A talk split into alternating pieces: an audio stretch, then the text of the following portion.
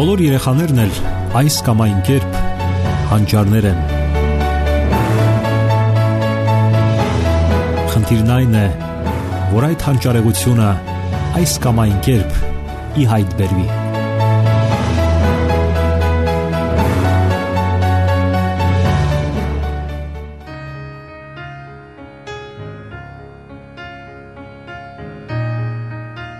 Բարև ձեզ, սիրելի ռադիո լսողներ։ Եթերում դասերակցություն հաղորդաշարն է։ Ասում են յուրաքանչյուր երեխա հանճար է, եւ սրանք բանաստեղծական խոսքեր չեն։ Սրանց մեջ ճշմարտություն կա։ Պարզապես հարկավոր է արտնասնել այդ հանճարեղությունը, զարգացնել։ Հարկավոր է խնամքով սնել ու փայփայել այն հրաշալի ի վերուստ տրված շնորհները, որ ցավոք անհետանում են եւ կորսվում երեխայի կյանքում եւ միայն քչերին է հաջողվում կյանքի կոչել դրանք։ Միանգամայն համարցակ եւ ուշադրության արժանի տեսակետ ունի այդ մասին ճապոնացի նշանավոր մանկավարժ Մասարու Իբուկին։ Ներկայացնենք հատվածներ նրա գրքից, որոնք արժանի են մանրամասն ուսումնասիրության եւ որոնց կարող է ճանոթանալ յուրաքանչյուր ծնող։ Եվ այսպես,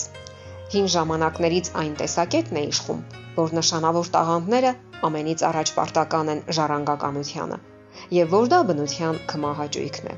Երբ մեզ ասում են, որ Մոցարտը իր առաջին համերգը տվել է 3 տարեկան հասակում, կամ որ Ջոն Միլը դասական գրականություն է կարդացել լատիներենով, այդ նույն տարիքում մեծամասնությունը պարզապես այսպես է արտահայտվում. Դե իհարկե, նրանք հանճարներ են։ Սակայն Մոցարտի եւ Միլլի կյանքի վաղ տարիների մանրամասն վերլուծությունը խոսում է այն մասին, որ նրանց խստորեն դասյարակել են հայրեր, ովքեր ցանկացել են նշանավոր անznավորություններ դարձնել իրենց զավակներին։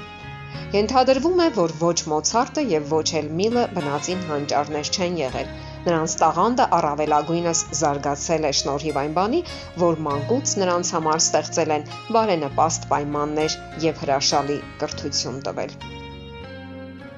Ճապոնացի նշանավոր մանկական հոգեբանային կարծիքին է, որ 3 տարեկանից հետո արդեն ուշ է մեծ արդյունքների հասնելը։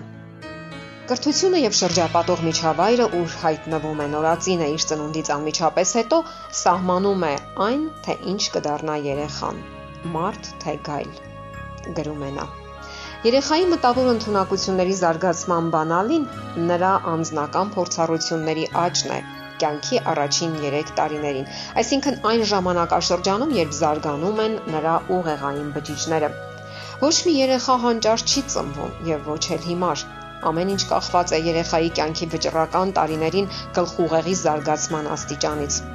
Դա ծնունդից մինչև 3 տարեկան հասակն ընկած ժամանակաշրջանն է։ Մանկապարտեզում արդեն ուշ է երեխային դասյարակելը։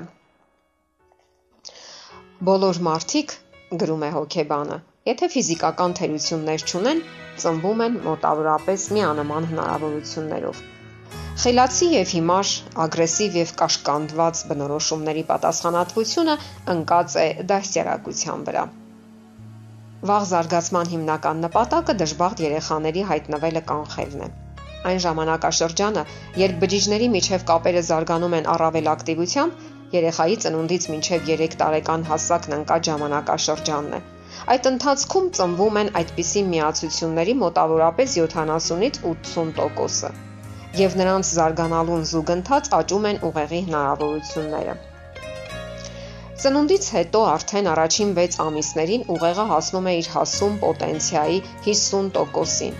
իսկ 3 տարեկանին մոտ 80%-ին։ Ահա թե ինչու, եթե առաջին 3 տարիներին չի առաջացել հիմնավոր հիմք, ապա հետագան բավականին բարդ է։ Դա նույնն է, ինչ փորձեք հասնել լավ արդյունքների աշխատելով վատ համակարգչով։ Եվ այսպես,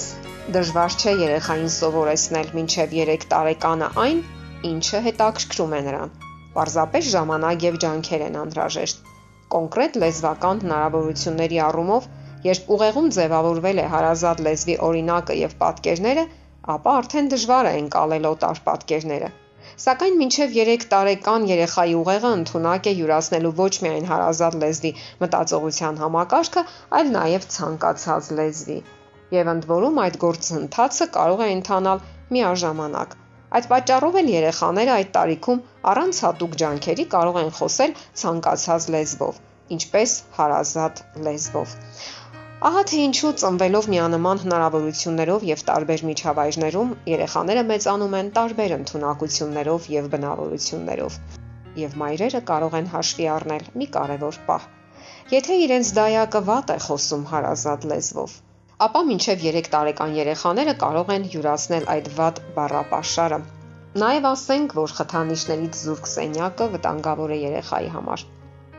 Պրոֆեսոր Բրուները փորձեր է կատարել Ամերիկայում եւ ապացուցել, որ մանկական ուղեղի զարգացման վրա զգալիորեն ազդեցություն է գործում այն միջավայրը, որտեղ նա ապրում ու զարգանում է։ Հետաքրքիր է նաև, որ 19-րդ դարի նշանավոր մաթեմատիկոսներից մեկը Կարլ Հաուսը հայտնաբերել է մաթեմատիկական շարքերի գումարի բանաձևը, երբ ընդամենը 8 տարեկան էր։ Նրա հայրը առանձնակի կրթություն չուներ։ Նա հասարակ քարտաշ էր եւ հաճախ էր իր հետ վերցնում բորթուն։ Տղան աղյուսներ էր տալիս հորը եւ հաշվում դրանք։ Եվ ահա արդյունքները։ Եվ վերջում, քանի որ մի փոքր ժամանակ ունենք, մի քանի խորհուրդներ։ Ինչքան հնարավոր է հաճախ գրկեք երեխային։ Երբեք մի անտեսեք երեխայի լացը։ Ուրիշների ներկայությամբ աշխատեք չհանդիմանել կամ չծաղրել երեխային Եթե երեխային հետաքրքրում են սեռական բնույթի հարցեր, հնարավորինս աշխատեք ճիշտը պատասխանեք։ Շրջապատեք երեխաներին այն լավագույնով, որ դուք ունեք։ Եվ ինչքան հնարավոր է երեխայի ձեռքը շուտ մատիտ տվեք։ Հնարավորինս աշխատեք չբռնանալ երեխայի կամքի վրա։ Դե ինչ, արեք այն լավագույնը, ինչ միայն կարող եք ձեր երեխայի համար։ Եթե նույնիսկ նա հանճար չդառնա, ապա տաղանդավոր անկասկած կդառնա։ Սիրելի ռադիո լսողներ, եթերում դասերակցություն հաղորդաշարներ։ Ձեզ հետ է Գեղեցիկ Մարտիրոսյանը։ Ձեզ ուզող հարցերի համար կարող եք զանգահարել 093 00 63 27 կամ 094 93 55 77 հեռախոսահամարներով։